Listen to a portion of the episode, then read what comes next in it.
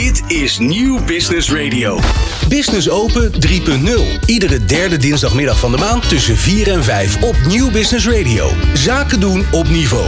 Persoonlijk, vertrouwd, to the point. Een hele goede middag, hartelijk welkom. Business Open 3.0. Effectief en plezierig netwerken. We praten vandaag over marketing en sales en we hebben onze vaste rubriek leiderschap. En natuurlijk met de volgende gasten. Miley Schweitzer van Speechen.nl. Rijn Kottas Altes van Business Open Nederland. Jolanda Rijnke van Rijnke. Isla Sint-Bouwman van Mijn Frisse Blik. Mark Reinders van de netwerkgroep. En Nico Hanhart. Allemaal over leiderschap, sales en marketing. Isla, ik begin eventjes bij jou. Uh, waar ga jij het over hebben vanmiddag? Over hoe cruciaal die herpositionering nou is en waarom je daarvoor een frisse blik nodig hebt. Mooi, dankjewel. Jolanda, wat had jouw invalshoek vandaag? Stel je eens voor een plek waar ondernemers makkelijk de juiste businesspartners vinden, met minder moeite meer kunnen netwerken en waar kennis delen en innovatie vanzelfsprekend wordt. Nou, dat, dat klinkt ook als een klok en daar gaan we straks allemaal meer over horen. Mark Reinders, netwerkgroep. Uh, Mark, wat wordt jouw invalshoek vandaag? De invalshoek vandaag wordt hoe we kennis en kennissen gaan delen kennissen en kennissen gaan delen. Dat, dat vind ik een mooie, een mooie eye-opener. Je krijgt dus zo dadelijk inzicht in hoe positioneer jij je bedrijf? Hoe kun je leiderschap ontwikkelen? Hoe overwin je spreekangst? Gaan we het zo dadelijk ook over hebben. Maar we beginnen met uh, Rijn Kortas Altes van Business Open Nederland. Ontbijten, lunchen, gunnen, inspireren. Wat doe jij eigenlijk? Business open of laat je business lopen? Nou, dat is ook al marketing, uh, zo'n kreet, uh, Rijn. Wat bedoel je? Nou, business open of laat je business lopen? Ja, dat, dat is zeker een marketingkreet, ja. ja. Ja, precies. Goed, vertel eens even. Hoe kijk jij als business open eh, tegen marketing en sales aan? Ja, dat is natuurlijk precies wat wij ondernemers bieden. Wat netwerk is, denk ik, bij de meeste mensen ook in de eerste plaats een, een marketinginstrument. Namelijk een manier waarop je vooral regionale bekendheid eh, kan genieten. En uiteindelijk ook een leger van ambassadeurs creëert die jou eh, aanbevelen. Wat uiteindelijk natuurlijk de ultieme vorm van, uh, van marketing is. En, en hoe werkt dat dan? Nou, kijk, een tv-reclame komt voorbij en dan denk je, ach, het zal wel. Het komt, de boodschap komt van degene die er ook voor betaald heeft. Mm Maar met dat een goede vriend van jou zegt, ik heb nu dit en dit product gekocht en dat is echt fantastisch dan ben je natuurlijk veel meer genegen om daar dan uh, naar te luisteren, een keertje uit te proberen. Dat is natuurlijk ook wat we met netwerken bieden. Dat ondernemers uh, ja, elkaar weer andere ondernemers aanbevelen. Dus stel je hebt een juridisch conflict en ik zeg ik ken een goede advocaat. Vind het goed dat die je belt, dan sta je daarvoor open en dan, ja, dan zit die advocaat gewoon bij je aan tafel. En dat zal die met een bord langs de snelweg of een reclame of een, uh, een advertentie op lokale krantje natuurlijk nooit bereiken, zo'n zo'n effect. Zou je dat uh, warme of koude marketing kunnen noemen? Het is, ja, het is snoeihete marketing, denk ik. snoeihete marketing. Ja, ja. dat is mooi, dat is hartstikke mooi. Eh, je hebt uh, ook uh, iets gedaan met een, een congres hè, met Jos Burgers eerder deze maand. Ja, kijk, een van de dingen, wij organiseren natuurlijk meer dan duizend netwerkbijeenkomsten voor de, de, de leden. Dat is allemaal regionaal bij de eigen club. Mm -hmm. Maar één keer per jaar hebben we ook een, een, een, landelijk congres. Waar het dan leuk is dat daar de ondernemers van verschillende clubs elkaar uh, ontmoeten. Ja. Daar kwamen dit jaar zo'n 140, 150 leden op af. En dat is eigenlijk altijd als thema kennis, kennissen en inspiratie omdat je daar dus inderdaad uh, kennis op kan doen, omdat er ook een aantal uh, presentaties van leden zijn. Uh, je komt nieuwe mensen tegen, dus dat is een beetje ook wat Mark zegt, uh, kennissen delen. Mm -hmm. uh, en uiteindelijk raak je ook geïnspireerd. En dit kan inderdaad Jos Burgers als gastspreker. En ik moet zeggen, die kan ik warm aanbevelen aan iedereen. Want die, die had de zaal om zijn vinger gewonden en iedereen was uh, enthousiast daarover. Nou, dat, dat klinkt hartstikke goed. Ehm, Jos Burgers dus, als, als een soort deskundige die iets overbrengt. Ehm, zou je hem een ambassadeur kunnen noemen? Nou, ik weet niet of hij direct onze ambassadeur is, maar hij is wel onze ambassadeur, ambassadeur van onze boodschap. Dat ja. zeg maar zijn visie op, op ondernemen en sales en het, het, het overpresteren en klanten te verrassen. Mm -hmm. Waardoor ze enthousiast over jou worden en dat we gaan rondbazuinen. Uh, ja, dat ligt wel helemaal in de lijn waar wij ook uh, op zitten. Ja, want jij hebt gewoon ambassadeurs, hè? Zelf. Dat is wel, dat hoop ik wel, ja. Maar ik denk natuurlijk, onze leden zijn onze ambassadeurs. Die nodigen we mensen uit voor de netwerkclub, waarvan ik dan hoop en blij ben dat ze dat leuk vinden. Mm -hmm. Maar voor, vanuit Business Open is het, het, het ambassadeurs zijn verreweg de grootste bron van, van nieuwe, nieuwe contacten. Um, als je nog even kijkt naar uh, wat je dus on, ook, ook onlangs bent begonnen met online bijeenkomsten. Um, tref je daar nou ook zo'n ambassadeurschap voor aan? Nou, dat is eigenlijk een van de manieren om, om mensen erop te wijzen hoe belangrijk het is om ambassadeurs te creëren en, en hoe je dat doet. Ja, want sommige mensen gaan netwerken en dan denken ze, nou, ik kom ergens binnen en als ik maar genoeg visitekaarten verzamel, is er vast wel iemand die me nodig heeft. Maar dat vinden wij nou, uh, ja, dat, dan moet je heel veel geluk hebben als toevallig net iemand op jou zit te wachten en een opdracht heeft die ook die direct gunt. Mm -hmm. Dus wat we met die training mensen proberen uit te leggen is, hoe kan je nou zorgen dat jouw clubgenoten jouw ambassadeur worden? En dat zijn eigenlijk ja, twee pijlers. Aan de ene kant moeten ze goed snappen wat jij doet en wie jouw klanten zijn, zodat ze jouw klanten kunnen herkennen. Mm -hmm. En aan de andere kant moeten ze jou leuk vinden. Moeten ze uh, ja, fan van jou zijn. Want je gaat alleen maar mensen aanbevelen waar je vertrouwen in hebt dat ze uh, goed in hun vak zijn. Maar ook alleen als je ze leuk vindt. En die dynamiek, dat spel, zeg maar, hoe creëer ik ambassadeurs? Dat proberen we bij de leden uh, uit te leggen. En hopelijk worden ze daardoor ook onze ambassadeur. Nou ja, en dat is dus gewoon jouw definitie van snoeihete marketing. Ja, de snoeihete marketing netwerk is dat, ja. ja. Rijn Kortesalters van Business Open Nederland. Iedere maand op Nieuw Business Radio en meer dan duizend keer per jaar op locatie. Business Open. Vergroot je netwerk. En netwerken kun je op verschillende manieren doen. Heroes in Business doet dat bijvoorbeeld met een app. Jolanda Rijnke eh, van Rijnke, zo heet jouw uh, bureau. Um, ja, waarom heb je Heroes in Business opgericht überhaupt? Ja, waarom Heroes in Business opgericht? Kijk, als business coach ben ik uh, vooral bezig één op één om ondernemers te begeleiden en te helpen om hun bedrijf succesvoller te maken. Mm -hmm, dat snap ik. Ja. Nou, daarbij ja. is de focus voor een belangrijk deel naar binnen gericht. Maar ik geloof dat echte vooruitgang en echt succes niet vanuit isolatie bereikt wordt, maar dat dat alleen maar kan door kennis delen en samenwerking.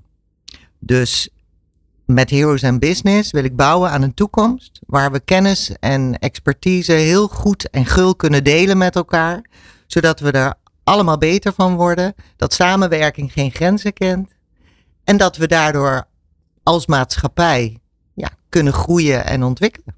En je hebt niet voor niks zo'n Engelse titel gekozen, denk ik. Ja. Heroes in Business. Uh, al, allemaal helden. Allemaal helden. Ik vind elke ondernemer een held.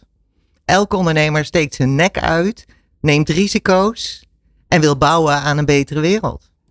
Dat zijn voor mij helden. En, en wat maakt ondernemen in deze tijd nou ingewikkelder dan in het verleden? Nou, we staan voor heel veel uitdagingen. Hè. Ik, ja, jullie kennen ze allemaal. De enorme transitie die we moeten doormaken. Denk alleen al aan het klimaat. We moeten mm -hmm. heel anders gaan denken, heel mm -hmm. anders gaan doen. Ja. De totaal andere belevingswereld van de jongere generaties. He, mede ook een van de oorzaken van ons personeelstekort. We willen allemaal niet meer zoveel en hard werken. Maar wat, wat, wat bedoel je daarmee? Die jonge ondernemer die wil niet meer 40 uur werken. Nou, niet zozeer van de jonge ondernemer, maar de jongere generatie. Mm. Hè, die wij nodig hebben om onze bedrijven natuurlijk ook te kunnen Personeel opbouwen. Dus. Personeel, ja. precies. De opkomst van razendsnelle ontwikkeling van AI. Hoe ga je dat toepassen met zo min mogelijk risico's? Het gaat zo verschrikkelijk snel. De prijzendruk. Online is alles in de wereld te koop. In China kun je iets voor 1 euro kopen, terwijl het hier 15 euro kost. Hoe ga je daarmee om? Hoe ga je daartegen verweren? De concurrentiedruk. Hoe kun je je onderscheiden van anderen en meer klanten vinden en die ook aan je binden? Er zijn enorm veel uitdagingen waar je gewoon als alleen als ondernemer kun je gewoon nooit het antwoord op bedenken. Daar heb je gewoon, daar moet je voor samenwerken, daar moet je voor kennis delen, daar moet je voor blijven leren, je nek uitsteken om die problemen op te kunnen lossen. En, en dat doe je binnen een club, binnen die app van Heroes in Business? Nou, de app is bedoeld, de app is in eerste instantie bedoeld om ervoor te zorgen dat ondernemers makkelijker kunnen netwerken, ja. dat ze makkelijker kennisexperts kunnen vinden. Ja. En als laatste, en dat is de toekomst, zeg ik er heel eerlijk bij, is dat we het ja, als vanzelfsprekend maken dat, dat je samen kunt werken aan innovatie en dat je kennis kan delen met elkaar. En dat zit dus niet in die app, maar wij maken het mogelijk dat je de events vindt en de mensen vindt die het beste bij jou passen. De app dat is gewoon doen. een vehikel, zeg maar. De Ja. app is een platform, eigenlijk de toegang, de poort naar om dat te kunnen doen. In Nederland moet Oké, en, en waar ligt nou volgens jou de oplossing om ondernemen minder ingewikkeld, maar vooral ook leuker en waardevoller te maken? Nou ja, dat, dat is dus wat met Heroes in Business mijn droom is om een wereld te creëren waar het uitwisselen van ideeën en kennis en ervaring vanzelf gaat. Dus dus ja, eigenlijk peers, hè? dus peer-to-peer Ja. networks. Een beetje dat, dat eh, soortgelijke eh, mensen die ondernemers zijn, die bij elkaar steun eh, vinden en ideeën en inspiratie. Is dat, dat het idee? Dat is, ja, kijk, vanuit mijn business coaching ervaring hoor ik dat continu. Ondernemers willen heel graag kennis delen, willen heel graag leren. Maar het is niet makkelijk om dat te doen. Weg Er zijn een heleboel netwerkclubs, er zijn een heleboel initiatieven, maar je vindt ze zo moeilijk. En ik wil ze beter vindbaar maken. Dus weg met de eenzame ondernemer. Ja, weg met de introverte. In zichzelf naar binnen gerichte ondernemer. Stel je open. Jolanda Rijnke van Rijnke en Heroes in Business. Iedere maand op Nieuw Business Radio en meer dan duizend keer per jaar op locatie. Business Open. Vergroot je netwerk. MKB-bedrijven die groeien lopen allemaal tegen dezelfde groeistuipen op. Met als gevolg dat marketing en communicatie uit losse acties en projecten bestaat. Er is geen samenhang. Isla Sint-Bouwman, jouw bedrijf heet Frisse Blik. Ja, jij maakt dat soort zaken allemaal mee. En in welke groeifase komen bedrijven bij jou voor een frisse blik? Ja, dat is een goede vraag. Ik merk dat dat in meerdere fases is. Ehm, vaak ondernemers zo rondom de 10 medewerkers. Dat je dan ziet van hé, hey, ehm, ik moet meer aan mijn bedrijf gaan werken en minder in mijn bedrijf. Ik moet de boel los gaan laten. En eigenlijk, hè, vooral marketing en communicatie, dat hangt van losse vlodders aan elkaar. Hoe ga ik daar nou gestructureerd plan van maken? En dat ik eh, gewoon weer lekker bezig kan zijn met mijn ondernemerschap als ondernemer. En Mhm. dat de marketing en de communicatie gaat doen wat ik wil. Wat mijn doelen zijn. Oké, dat is Dat is best complex. Ja, hoe, hoe maak je dat dan concreet? Ja, nou, een goede vraag. Want eh, misschien ehm, het- als je kijkt naar de tweede fase, dat is Ja. vaak rondom de 50 medewerkers. Oh ja, Dan wordt ja. de business wat groter. Ja. En dan denk je de stafafdeling, hè, de ondersteunende afdelingen, die teams, ehm, die moeten dat gaan opvangen. Maar dat is bijna een paddenstoeltje in verhouding tot het grote pakket. Hè. Je hebt heel veel professionals, maar de ondersteuning die, eh, die blijft achter. Dus dat zijn de twee groeifases. Mhm. Nou, als je dan kijkt naar die complexiteit, eh, wat zie je dan? Wat gaat dan helpen? Ehm, een goed plan neerzetten en een plan ook delen met je team en met het bedrijf. En daarin, eh, van daaruit echt de structuur gaan opbouwen op je marketing en je communicatieactiviteiten. Dan kan je een goede herpositionering pakken. En is het een plan meedelen of maak je het plan samen met de afdeling? Uiteraard niet meedelen, want dan wordt het zo'n mooi plan wat daar op de plank ligt. En dan kan je Ja. hem eens in de vijf jaar afstoffen. Ja. Juist samen met elkaar eh, aan de slag. En dat is vaak het cruciale. Het plan ligt en de visie die zit in het hoofd van de ondernemer. Ga dat er nou eens uithalen. En zorg dan dat je het met het team of met de organisatie samen ehm, tot een plan maakt en gaat uitvoeren en uitrollen. En daar begeleid ik En, en wat, wat doe je dan concreet? Kun je een voorbeeld geven? Heel concreet, we, beginnen met eerst met die frisse blik. Van, ho, weet je, waar wil je nou naartoe? Ja. Hoe zit het? Ja. Eh, doe eens een stap uit je business. Ga eens een stap terug. Even die helikopterview erbij pakken. Ehm, op het moment dat je dat scherper hebt, zet ik letterlijk het plan op papier. Mhm. Gaan we daarna met het team in strategie-sessies aan de slag om te kijken van, hey, past dit ook bij jullie? En wat zien jullie in de business? Wat zie je ook in de ontwikkelingen van de organisatie? Wat zie je daarbuiten gebeuren? Waar hebben klanten ook behoefte aan? En dan ga je hem fine-tunen en dan wordt het een plan van allemaal. En van daaruit kan je hem gaan uitrollen. En daar begeleid ik echt op die structuur. Wat krijg je dan uiteindelijk? Dan krijg je een goede richting. Je krijgt focus van het bedrijf. En je krijgt structuur om het echt te implementeren. En hoe lang ben je dan met, met zo'n traject bezig eigenlijk? Nou, eh, in meer of mindere begeleiding kan het zo'n jaar tot anderhalf jaar zijn. En soms hebben bedrijven gewoon alleen maar een frisse blik nodig. Hè? Is dat gewoon een dagdeel even leuke strategie? Ja, precies. Kan, kan van alles zijn. Dus het, Ja. eh, maar aan de andere kant, wat je zegt met een jaar, dan landt het wel echt. En dan wordt het echt onderdeel van de organisatie. Ja. Neem ik aan. De eerste plannen en de ontwikkelingen, dat is een maand of drie. Mhm. Op het moment dat dat staat, heb je een half jaar tot een jaar implementatie nodig. Ja. En op het moment dat ik merk dat het in de structuur zit en in de dagelijkse business, dan zeg ik altijd: volgens mij kunnen jullie zwemmen zonder bandjes. Kan ik een stap terugzetten? Ja, ja. Heb je mijn frisse blik niet meer nodig? Waar, waar help jij nou de ondernemer het meeste mee? Nou, de, een aantal elementen die ik net al aangaf, hè, waar ik ze het meeste mee help, is ehm, dat ze ja, een goede richting hebben. Ja. Ze hebben focus en Ja. ze hebben structuur. Oké, dus die drie elementen, daar help je het meeste mee. Ja. Eigenlijk. En je, wat kom je in de praktijk tegen dat mensen gewoon een beetje zwemmen? Dat wat je net zei, werken in een bedrijf en niet aan een bedrijf? Ja. Dat, dat gewoon de dagelijkse sleur ze opslokt? Ja, dagelijkse acties. Ze doen van alles. Hè. We hadden het net over dat eh, gloeiend hete netwerken bijvoorbeeld. Ja. Of de netwerk-app. Ja. Eh, die elementen zijn hartstikke belangrijk om nieuwe leads binnen te halen. En om een naamsbekendheid eh, te vergroten. Maar dat zijn allemaal losse onderdelen. Het is wel goed om daar samenhang in aan te brengen. En op het moment dat je die samenhang hebt, dan weet je ook waar je het voor doet. En aan welke knoppen je moet draaien om bijvoorbeeld weer meer leads binnen te halen of juist meer omzet. En zijn dit nou ook de elementen die een herpositionering geslaagd maken? Of heb je Eh, daar nog het zijn- andere elementen? Het zijn een aantal elementen die de herpositionering geslaagd maken. Het, eh, het proces in elk geval. Ja. Maar wat het echt geslaagd maakt, is als je de toetsing met de markt weer doet. Krijgen we inderdaad meer klanten. Eh, de klanten die binnenkomen, zijn dat de juiste klanten die wij willen? Hebben we dus die relevantie op de markt binnen? Hebben we die meer omzet binnen, die we graag wilden? En zijn we echt onderscheidend ten opzichte van de concurrenten? En alles begint met een frisse blik. Uiteraard. Zonder frisse blik kan je geen nieuwe herpositionering pakken. Isla Sint-Bouwman, frisse blik. Ontbijten, lunchen, gunnen, inspireren. Aangenaam effectief netwerken. Business open. En dan gaan we weer naar ander netwerken. Ik kom bij, bij jou terecht, eh, Mark Reinders. Eh, je had het net over een hele mooie zin. eh, kennis en kennissen. En dan denk ik, hé, hey, dat is een nadenker. Valt mee. Valt mee? Ah, het is simpeler dan ik denk. we gaan het over netwerken en workshops hebben. Vertel. Nee, dat klopt. Ehm, eigenlijk is dit eh, plan, denk ik, zo goed een jaar geleden begonnen. Oké. Ehm, ik zit eh, vaker eh, langer in de auto en dan ga je wel eens nadenken over hoe kun je mensen zo goed mogelijk helpen. Want nou ja, we hebben het hier veel over netwerken en volgens mij is dat de basis van, van netwerken. Mhm. Hoe kun je een ander van dienst zijn? Ehm, en in het werk dat ik doe, kom ik veel mensen tegen die heel graag kennis willen delen. Net al genoemd, eh, veel expertises die graag ook eh, gedeeld willen worden aan, eh, ja, aan andere ondernemende mensen. Mhm.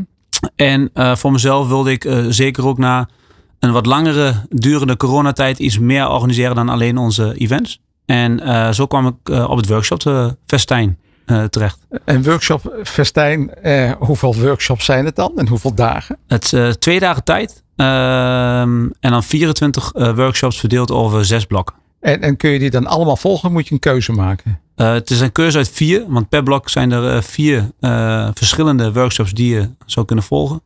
En voor- ja, dat is dan de keuze die je per blok zou moeten maken. Ja, en voor corona noemden we dit volgens mij een meerdaags congres, of niet?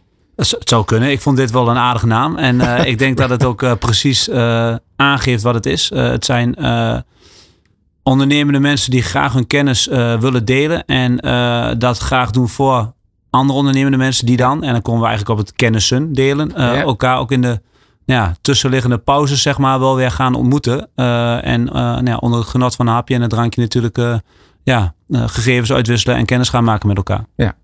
Goed, nou, dan ben ik wel heel benieuwd. Noem eens een paar van die workshops om mij te triggeren. Waar moet ik naartoe? Ja, want alle 24 is wat lastig inderdaad hier. Maar eh, nou ja, te denken aan eh, een, eh een videomarketing workshop. eh, eh, een workshop over winstlekkage. Hè. Eh, Winstlekkage. Ja, winstlekkage. Hoe je eh, kunt zorgen dat, dat er geen winst wegdruppelt uit je eigen bedrijf. Oké, dat lijkt me Ehm, interessant, ja. Oké. Non-verbale communicatie. Eh, hoe ga je nou om met, eh, met de mimiek van andere mensen? En eh, ja, wat kun je daar nu uit afleiden? Eh, maar ook natuurlijk eh, impuls aan je commerciële groei. Hè, hoe kun je als kleine ondernemer zorgen dat je die eh, groei doormaakt die je graag, eh, graag wil behalen? Eh, ja, en verder ja, eigenlijk allerlei leiderschaps, eh, sales, eh, communicatietrainingen. Dus ja, keus uit, uit veel. Dus je komt gepokt en gemasterd, kom je weer uit het workshop voor Stijn als je dat bijgewoond hebt. Waar, waar, waar kunnen we meer informatie vinden? Van, van al die workshops en wanneer het is en zo. Netwerken.nl slash Verstijn. Dankjewel, Mark Reinders.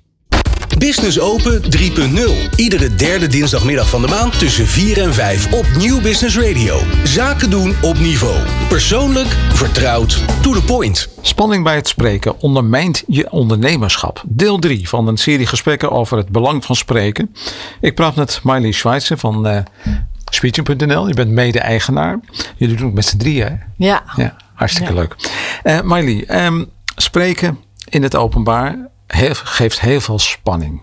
Maar bij hoeveel mensen komt het eigenlijk voor? Ja, nou, als je dus kijkt naar de symptomen die horen bij spreekangst. Hè, dus we hebben spreekangst geanalyseerd. We hebben gezegd van nou, dan heb je deze aspecten allemaal. Ja. En je legt zo'n lijst voor aan een willekeurige persoon. Dan geeft 9 op de 10 mensen aan uh, meerdere aspecten van die symptomen te herkennen. Dus je zou kunnen zeggen, 9 op de 10 mensen kent spanning bij het spreken, zenuwen, spreekangst. Uh, oftewel 90% van de mensen. Jee, maar dat is gigantisch veel, hè? Ja. Dus maar eentje heeft het dan niet, zeg maar, van ja. die tien. Ja. Noemen ze wat, wat van die symptomen? Want... Uh, ja, symptomen kunnen uh, heel fysiek zijn. Dus knikkende knieën, verhoogde hartslag, zweten. dat, het, dat het zweet onder je oksel schudt of over je rug loopt.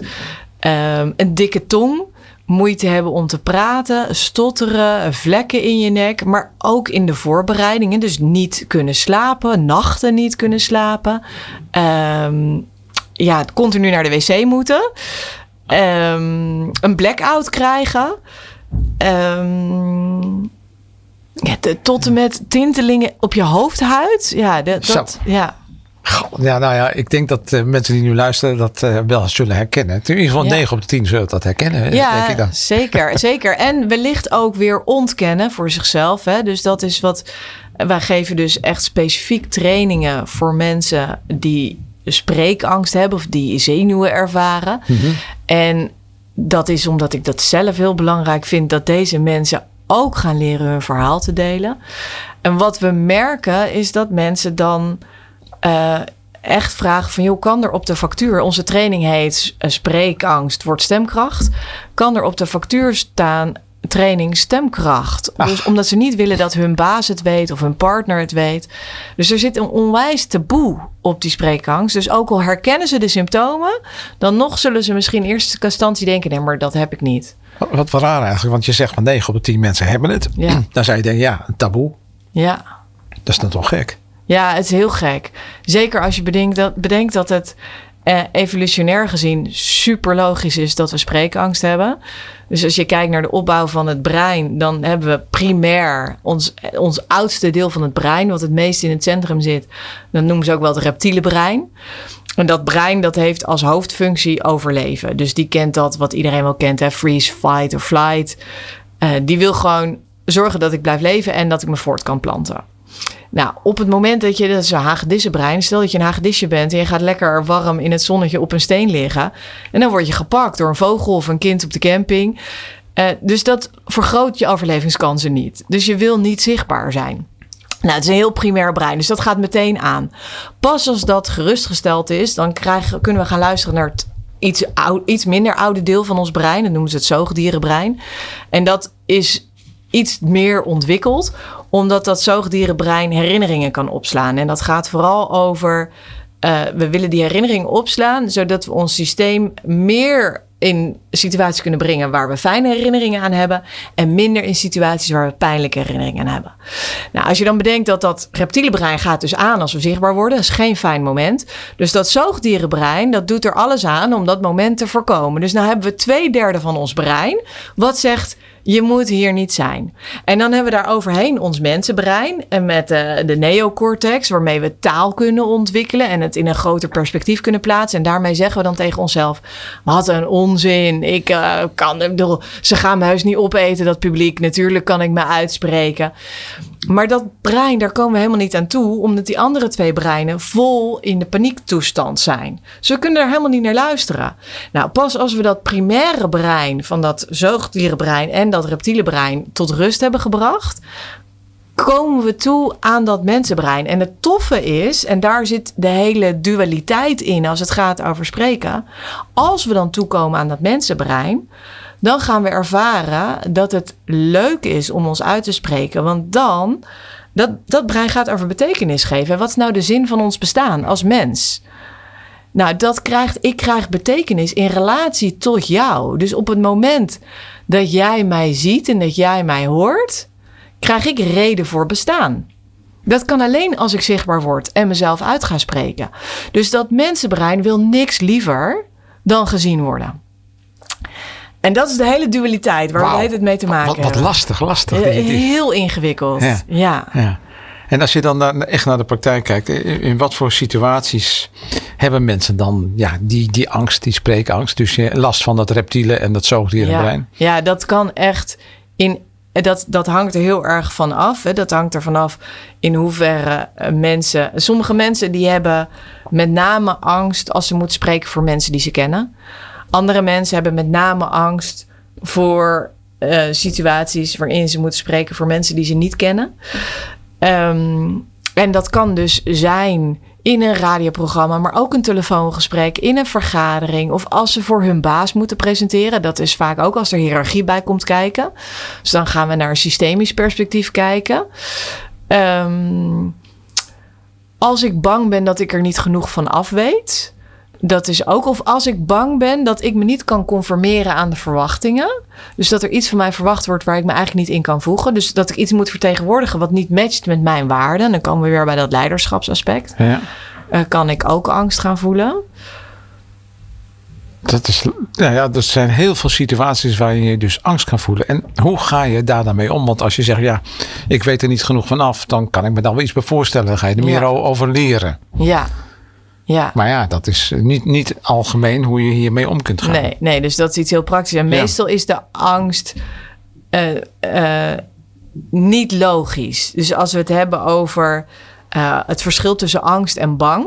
Kijk, angst, angst is een hele interessante emotie, omdat het zorgt voor dat ons bloed sneller gaat eh, stromen, dat ons hart sneller gaat kloppen, onze ademhaling gaat omhoog, we krijgen adrenaline in ons lijf, waardoor we meer kracht in onze spieren hebben, wat super fijn is. Hè? Als Over, ik, overleven is het het is eigenlijk. overleven. Dus als ik eh, een weg oversteek en ineens zie ik een vrachtwagen, dan maak ik, eh, krijg ik in één keer dat hele shotje van die angst, waardoor ik me uit voet kan maken en kan overleven. Er zit een hele industrie achter. Hè? Als je denkt aan thrillers, achtbanen, spookhuizen. Op het moment dat we angst voelen, voelen we ook dat we leven. Dus angst is een hele fijne emotie. Ook als je moet spreken. Op een bepaalde manier zorgt het voor alertheid. Ja. Je neemt beter waar hoe het met die ander gaat. Wat er in de omgeving is, zodat je de ander in veiligheid kan stellen. Want als spreker ben je ook de leider. Dus het, een beetje van die angst is heel nuttig. Maar wat er gebeurt, en dat is het verschil tussen angst en bang. Op het moment dat ik de angst de overhand laat nemen, dan wordt mijn eh, perceptie van wat er gebeurt wordt onrealistisch. Dus er de, ik, ik, nou, stel ik moet voor een zaal spreken, eh, dan ga ik denken dat alles misgaat. Dat is niet realistisch, want de technicus doet het geluid. Mensen komen voor mij en voor een leuk verhaal. Ik weet wat ik wil gaan vertellen. Ik heb er verstand van. Dus de kans dat het misgaat is niet zo groot. Maar dat ga ik denken. En doordat ik dat ga denken, ga ik vervolgens ook bedenken dat ik niet in staat ben om op de juiste manier met de situatie te dealen. Het resultaat is dat ik er niet mee ga dealen. Vervolgens krijg ik het bewijs dat ik er niet mee kan dealen. Ja. En dan implodeert als het ware mijn energie, wordt mijn verhaal bevestigd en versterkt dat mijn angst. Nou, als we kijken naar bang, waar we dus wel gebruik maken van die adrenaline en al die symptomen die we dan krijgen, dan helpt het me om de situatie in te schatten. Te denken, oké, dit is de situatie, maar dit is realistisch. Dit is wat ik eraan kan doen. Dit ga ik nu doen. Vervolgens heb ik een positieve ervaring. Ik heb er op de juiste manier mee gedeeld. Dat versterkt mijn energie. Dus ik eh, ga expanderen in plaats van imploderen. En daarmee krijg ik zin om het de volgende keer weer te doen. Ja. Die angst, zeg maar dat, dat vleugje wat bij bang hoort, dat gaat nooit helemaal weg. Sterker nog, dat is ook gezond. Eh, dus je zult, zult ook als je het aan cabaretiers gaat vragen of eh, Barack Obama, iedereen kent op die manier wel een aspect van eh, een beetje zenuwen. En dat zet je op scherp, dus dat is goed. Lang verhaal, ik weet niet hoe we hier opkwamen. Ja, het heeft, het heeft alles te maken met de situatie waarin. Hè? Dus, dus Oh ja. zo, zo komen we daarop. Ehm, jij, jij schetst het nu. Ehm, ik ben eigenlijk wel heel, heel benieuwd, hoe is dat met jouzelf eigenlijk? Ja. Nou, ik heb, ik heb een eh, dubbele relatie met eh, spreken. Dus aan de ene kant heb ik van kinds af aan al... Ik zat op ballet op mijn derde. Dat mocht nog helemaal niet. Je mocht pas vanaf, vanaf de vijfde mocht je op ballet doen. Maar ik moest en zou op ballet, want ik wou dansen op het podium. Later wilde ik circusmeisje worden. Dus er is iets in mij wat verlangt naar de show. Naar een podium. Naar een podium. Ja. Ehm, ik was ook vrij snel klassenvertegenwoordiger. Ik uh, ben scherp, uh, analytisch, ik kan snel denken. Ik, dus dan vind ik het fijn om me ook uit te spreken. tegelijkertijd ken ik ook heel veel momenten waarin het belangrijk voor me was om iets te zeggen, waarin ik het niet deed. Dus het belangrijkste moment is dat mijn beste vrienden gingen trouwen. Ik was ceremoniemeester. Dus het was niet meer dan logisch dat ik een speech ging houden. Ik had het ook voorbereid. Ik stond daar. Ik keek naar hun. Ik moest zo waanzinnig hard huilen. En ik zei, nou jongens, ik wens jullie allemaal een heel mooi feest. En ah. dat was het. En later kreeg ik ook terug van, ja, ik vind het echt jammer dat je niks gezegd hebt. En ik dacht echt, ja, ik wou dat ik het had gekund. Maar ik was zo bevangen door de benauwdheid van... Dit zijn twee mensen van wie ik hou en voor wie het zo belangrijk is... en ik wil zo graag iets goeds vertellen. En ik werd echt ook geraakt door de liefde... dat ik het gewoon niet voor elkaar kreeg. Nou, dat is één voorbeeld, maar daar heb ik natuurlijk heel veel voorbeelden van. Dus ik ken het verlangen, ik ken dat het leuk is... en ik ken ook dat het me niet lukt. En ik ken op heel veel meer fronten angst...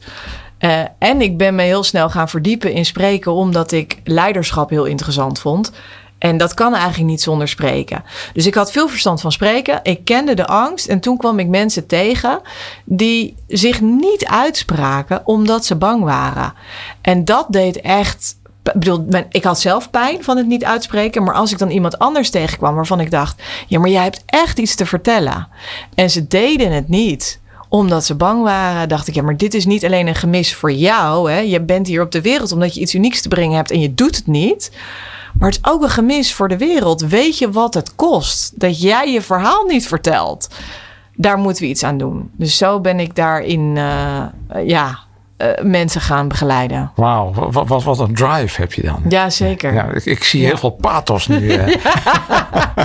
ja, absoluut. Veel pathos. Ja, prachtig. Ja. Oké, dus, dus jij, jij coacht nu ook die mensen om, om ja, niet in die valkuilen te tappen en eigenlijk hun potentie naar, naar buiten te kunnen brengen. Ja. Hè, wat, wat, er, wat erin zit. Ja. Um, we hebben het nu, nu, met name over die spanning. Hè, die, ja. die is, wat, wat kun je nou zelf heel goed doen om om te gaan met die spanning? Want je zegt ook al van nou ja, een beetje spanning is prima. Ja. Maar laat het niet overheersen. Wat kun je nou doen om daar beter mee om te gaan? Ja, ja. Dat is een hele cruciale vraag. En um, ook daarin, net als bij de vorige, ik kan hier van tien kanten naar kijken. Ik kan er ook honderd antwoorden op geven. Dus ik ga proberen te trechteren. Het eerste is dat je echt vanuit het. Uh, vanuit zelfacceptatie, zelfliefde uh, gaat spreken. Dus daar heb je gewoon zelf onderzoek naar te doen. En wat zijn nou die beperkende overtuigingen? Waarom denk ik dat niemand op mijn verhaal zit te wachten? Of waarom ben ik zo bang om afgewezen te worden? Of wat zijn de verhalen waar ik vandaan kom waardoor ik dit gevormd heb? En hoe kan ik er anders naar kijken? Dus dan gaan we die overtuigingen, die negatieve overtuigingen, die kun je vervangen met positieve overtuigingen. Dus bijvoorbeeld, het is verschrikkelijk als ik niet uit mijn woorden kom, kan je vervangen door, hey, als ik even niet uit mijn woorden kom en het wordt even stil, is dat een fijn moment voor mijn publiek om de informatie die ik heb gegeven te downloaden. Of jeetje, als ik rode vlekken krijg, dan vindt iedereen me zwak. Vertalen naar als mensen mijn vlekken zien, dan weten ze in ieder geval dat het belangrijk voor me is. En dus zo kunnen we overtuigingen gaan veranderen. En we kunnen ook een stukje gaan doen aan die acceptatie van ja, ik ben een mens en dus maak ik fouten. En dat is oké. maar ik sta hier wel om een verhaal te vertellen dat de moeite waard is. Niet zozeer voor mij, dus dat noemen we perspectiefverandering, maar voor het publiek. Het publiek heeft wat aan mijn boodschap. Ongeacht of het me lukt om het goed over te brengen, het is voor het publiek van belang. Als jij iets te vertellen hebt wat voor je publiek niet belangrijk is, dan zou je het misschien niet moeten doen. Dus ga op zoek in jouw verhaal. Wat het belang voor een publiek? En wees daarin oprecht. Weet je? Als het een verkoopverhaaltje is omdat jij geld wil verdienen, dan is het logisch dat je spanning ervaart, want het klopt niet. Dus dan hebben we het over, ja, wat zegt je hoofd, wat zegt je hart, wat zegt je buik? Als dat niet drie keer ja zegt, dan klopt het niet en dan is de spanning terecht. Dan moet je opnieuw terug naar de tekentafel. Ehm, wat je ook kunt doen, is je echt heel erg goed voorbereiden. En dat, ze, dat, dat uh, is altijd grappig als we kijken naar alle deelnemers die we hebben in onze training. En dan heb ik eigenlijk twee categorieën. We hebben mensen die, die bereiden het zo goed voor dat ze de tekst uit hun hoofd gaan leren. En dat is uh, het recept voor een mislukte presentatie. Omdat ons brein daar niet voor gemaakt is. Tenzij je acteur bent, dan heb je, daar ben is je brein erin getraind. Maar over het algemeen zijn we niet getraind om letterlijke zinnen uit ons hoofd te leren. En het resultaat is, ik ga daar staan. En het enige wat ik nog doe is denken: oké, ik moet nu die perfecte zin zeggen. Shit, ik weet die perfecte zin niet meer. Oh, nu heb ik paniek. Oh shit, ze zien het. Oh, het gaat helemaal mis. En dan beland je, ja, dan ga je de glijbaan af.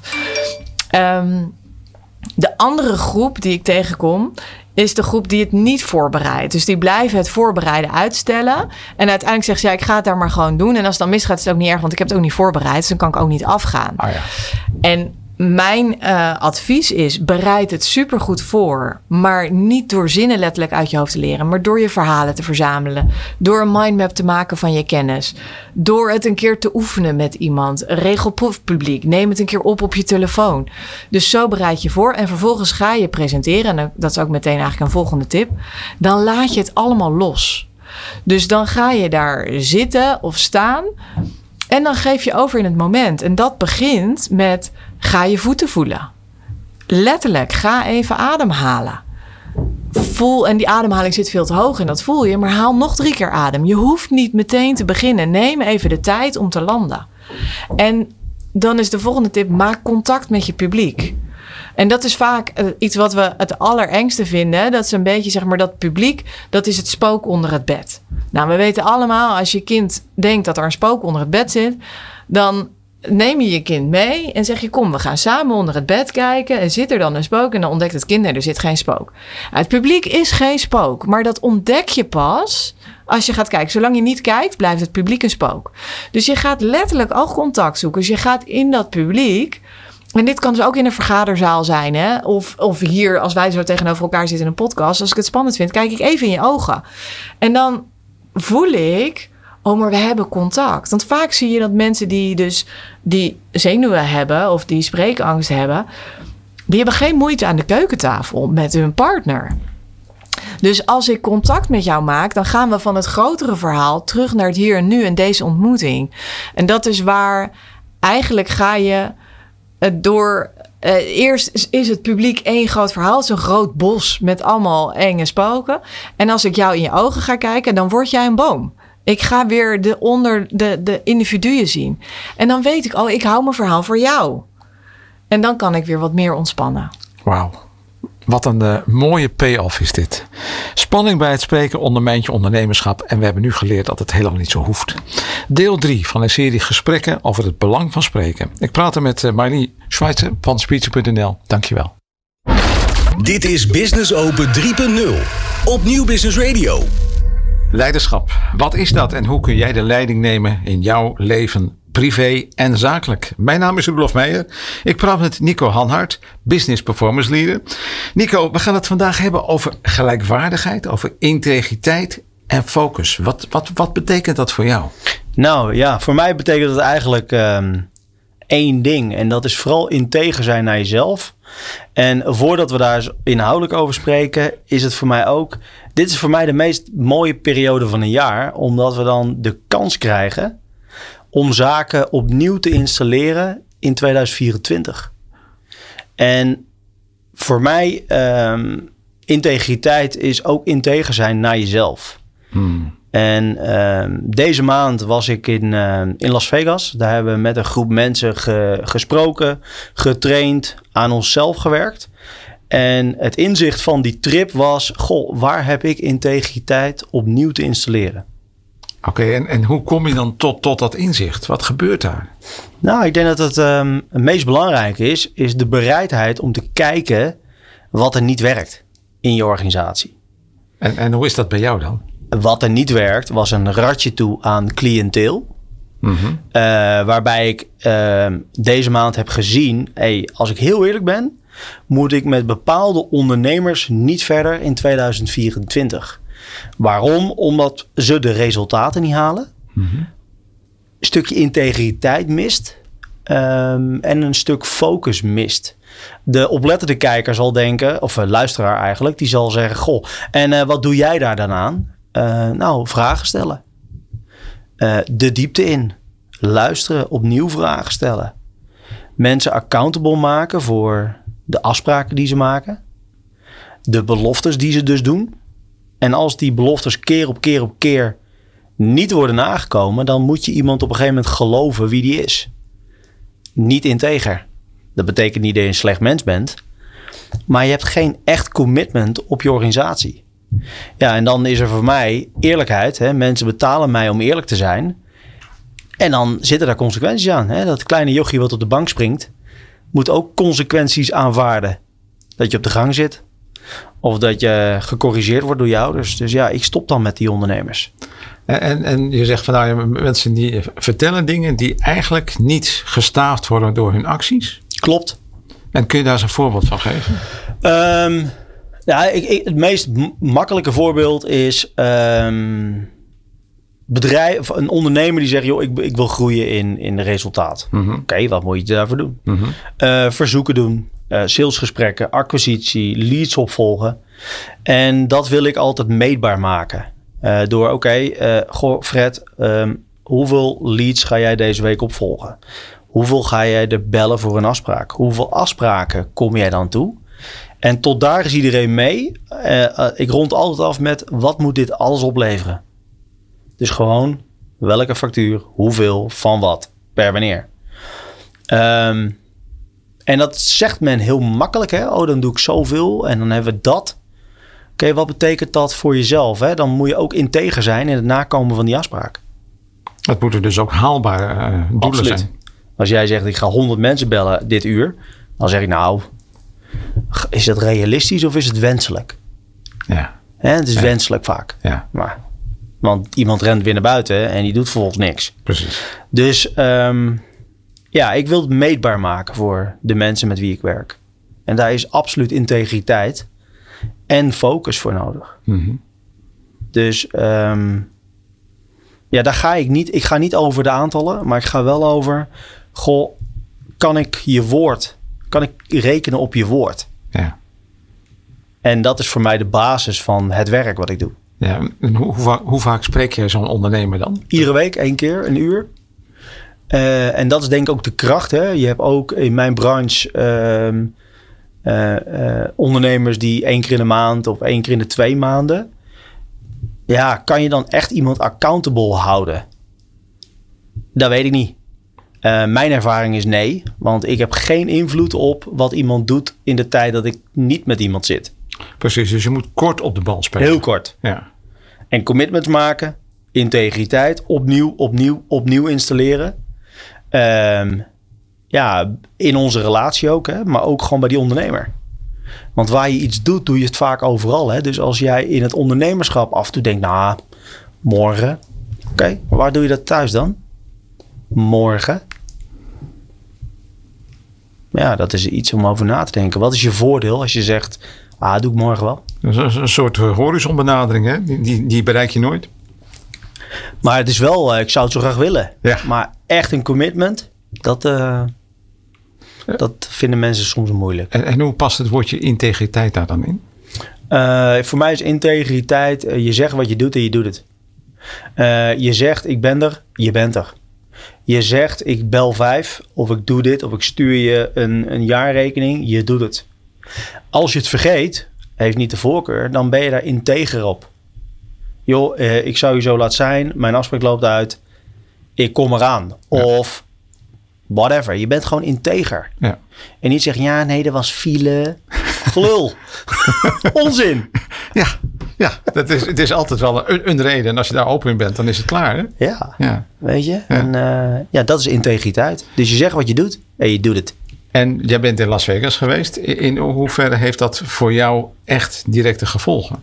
Ehm, ehm, nou, ik heb gezien na Las Vegas en ik denk dat daar even een kleine onderbouwing bij mezelf heb ik gezien. Dan ben ik goud eerlijk. Ehm, een vorm van luiheid in het confronteren van mensen waarmee ik werk. Uit angst dat ze bijvoorbeeld volgend jaar niet met me verder gaan. Of uit angst dat ik iemand, eh, nou, iemand een rotgevoel geef. Of uit angst dat je eh, kwetst, vind ik zo'n woord. Maar goed, iemand kan het zo ervaren. En eh, dat- toen ik dat bij mezelf zag, dacht ik, weet je wat, dit moet stoppen. En ook uitge- uitgesproken hardop. Hè, want dan ligt het op tafel, dan moet je er wat mee. Mijn commitment is, is dat ik met vijf mensen stop. Oké, dat is nogal wat. Ja, twee per direct omdat het traject bijna afloopt. Oké, dat verleng je dus niet? Je- Verleng ik niet. En eh, drie van de vijf eh, per 1 januari. Oké, Aanstaande. Dus dat loopt af. Maar laat ik het zo zeggen. ehm, ja, ik zie een patroon. Hè? Dus iemand die komt keer op keer op keer zijn afspraken niet na. En iemand met wie ik werk, eh, die zei tegen mij: eh, ehm, Als iemand demonstreert wie die is, geloof hem. En ik dacht: huh? Dit is het. Dus iemand die keer op keer niet integer is naar zichzelf en zijn omgeving, geloof hem. Dat gaat niet veranderen. Want iemand wil het niet. nee. En dan maak ik toch even brutaal het, het, het bruggetje naar een deel van de wereld waar een hoop ellende is nu. Ehm, als jij die ondernemer bent die niet integer is, maar je hangt er leven of dood aan vast, ga je het dan wel doen? Want het is natuurlijk ja. Waarom doen we het dan wel? En in waar wij ons begeven, doen we het niet. Heel simpel, we komen ermee weg. Het is geen overleven. Nee. Het is er niet voor gaan. Het is er niet voor vechten. Het is niet een groot spel spelen. Gewoon ben eens eerlijk. Moet, moet je ondernemen alsof morgen je onderneming om kan vallen als jij niet acteert? Nou ja, dat is wel grappig dat je dat zegt. Want vanochtend had ik een onderneemster. Waarvan ik zei van, goh, ehm, wij hebben in, in, in coaching, eh, straight line leadership, hebben wij een, een woord, PhD. En dat staat voor poor, hungry and driven. Kom eens vanuit die rol. Ja, ja. Ga je dan wel vechten voor je leven? Natuurlijk. Ehm, dus ja, ik, ik, zou, ik zou iedereen gunnen om af en toe eens te kijken naar waar bullshit ik mijzelf. En dan kan je mij benaderen, zodat ik je uit het bullshit bos kan halen. En eh, veel mensen laten zich verleiden om lekker door het bullshit bos te wandelen. Want dan hoef je niks. En dat klinkt een beetje recht. Maar kijk eens op een andere manier naar je organisatie. Maar ook vooral begin bij jezelf. Dus niet wijzen zij. Nee, jij bent de leider. Jij bent degene die eh, de, de, de kaders schetst. De, de commitments. Hè? Mhm. Ehm, hè, dat, de, die leider moet, moet gesprekken kunnen voeren met de medewerkers. En niet van hoe was je weekend. Dat mag je bij het koffiezetapparaat doen. Maar welk resultaat gaan we creëren? Wel, Waar kan, ik op, waar kan ik op vertrouwen als ik jou zie? ja en, en waarom eh, moet ik in jou geloven? Ja. En ehm, ja, weet je, wat, wat mensen zeggen is niet altijd in lijn met het gedrag. En dan vinden we het gek ehm, dat we de resultaten eh, niet halen. Dus als iemand zegt, joh, ik, ik ehm, doe vijf offertes, dan wil je dat in het gedrag zien. Dan wil je de actie zien. Je wil het in de agenda zien. Je wil terugkoppeling van de offertes. Maar als je dat niet ziet, dan is de kans dat je omzet creëert, nou, weet ik niet. Niet zo heel groot. Dus mensen kunnen zich verstoppen. hè? Mensen verstoppen zich achter woorden. Want alles wordt gecreëerd vanuit taal. Als wij hier in deze uitzending niks zeggen, gebeurt er ook niks. Nee. Als wij de omgeving geen verzoeken doen, jij als leider, als jij jouw netwerk van mensen geen verzoek doet, gebeurt er ook niks. Dus we moeten in staat zijn om krachtig te communiceren met woorden, met het toon.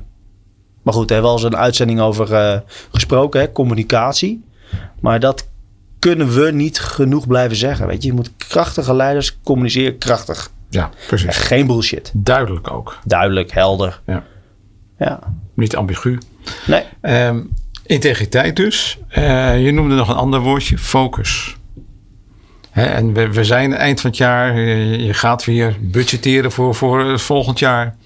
Ehm, hoe ga je dan om met die focus? Ehm, focus voor mij is, eh, goh, we zijn weer aan het kijken volgend jaar. Dan wil je eerst weten, eh, hoe eindigen we dit jaar? En wat wordt het te spelen spel volgend jaar? Wat zijn de acties die een bijdrage leveren om dat grotere doel te krijgen? Hè? Dus dat gaat over omzet, het gaat over marge, het gaat over productiviteit van medewerkers. En daar zal je als leider de focus op moeten hebben. En je zegt nu zelf, nou ja, vijf eh, klanten ga ik niet mee door. Wat, wat betekent het concreet? Moet je nu weer vijf nieuwe klanten gaan werven? Eh, ja, dus daar zitten ook mijn acties op in Q4.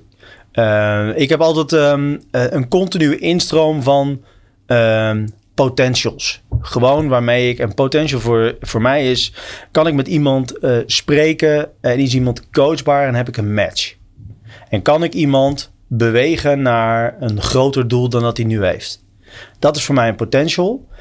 Dus het antwoord op jouw vraag is ja, ik creëer weer in Q4 vijf nieuwe cliënten. Ja.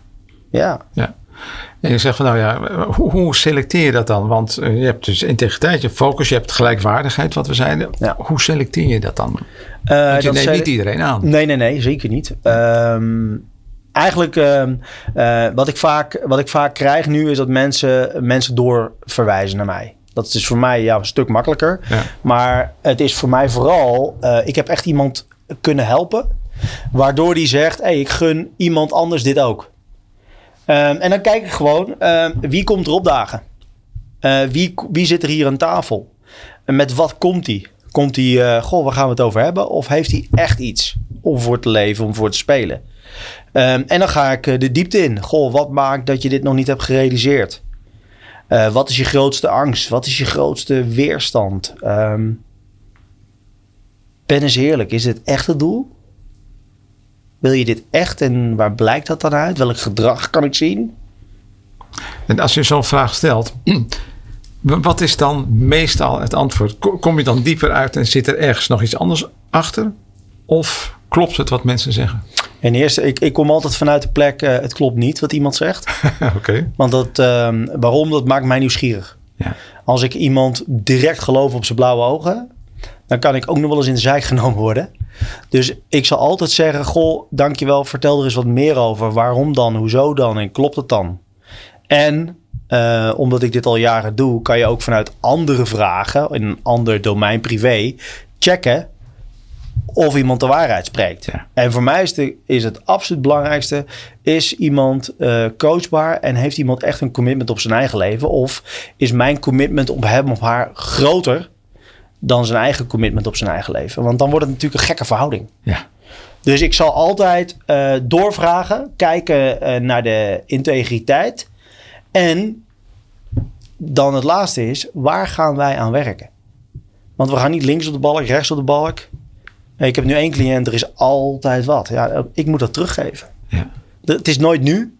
En er is altijd iets waardoor het eh, weer op de lange baan wordt geschoven. Ja, wat wil je dan?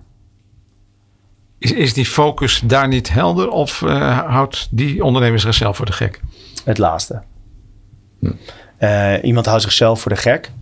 En eh, punt B is niet goed helder. En dat is ook mijn vak. Dus ik zou altijd zeggen, joh, waarom zitten we hier? Waar gaan we aan werken? Goh, drie maanden geleden hadden we als doelstelling 1 miljoen euro creëren, einde van het jaar. Hoe gaat het daar nu mee? Ja, we gaan er overheen. Ik, oké, dan moeten we wel bij. Want we hebben nog acht weken. ja, toch? Ja, die gaat niet eh, achterover zitten. Nee. Nee. Dus ja, dat, dat is wat ik doe. Mooi. En dat eh, gaan we richting 2024 dus. Absoluut.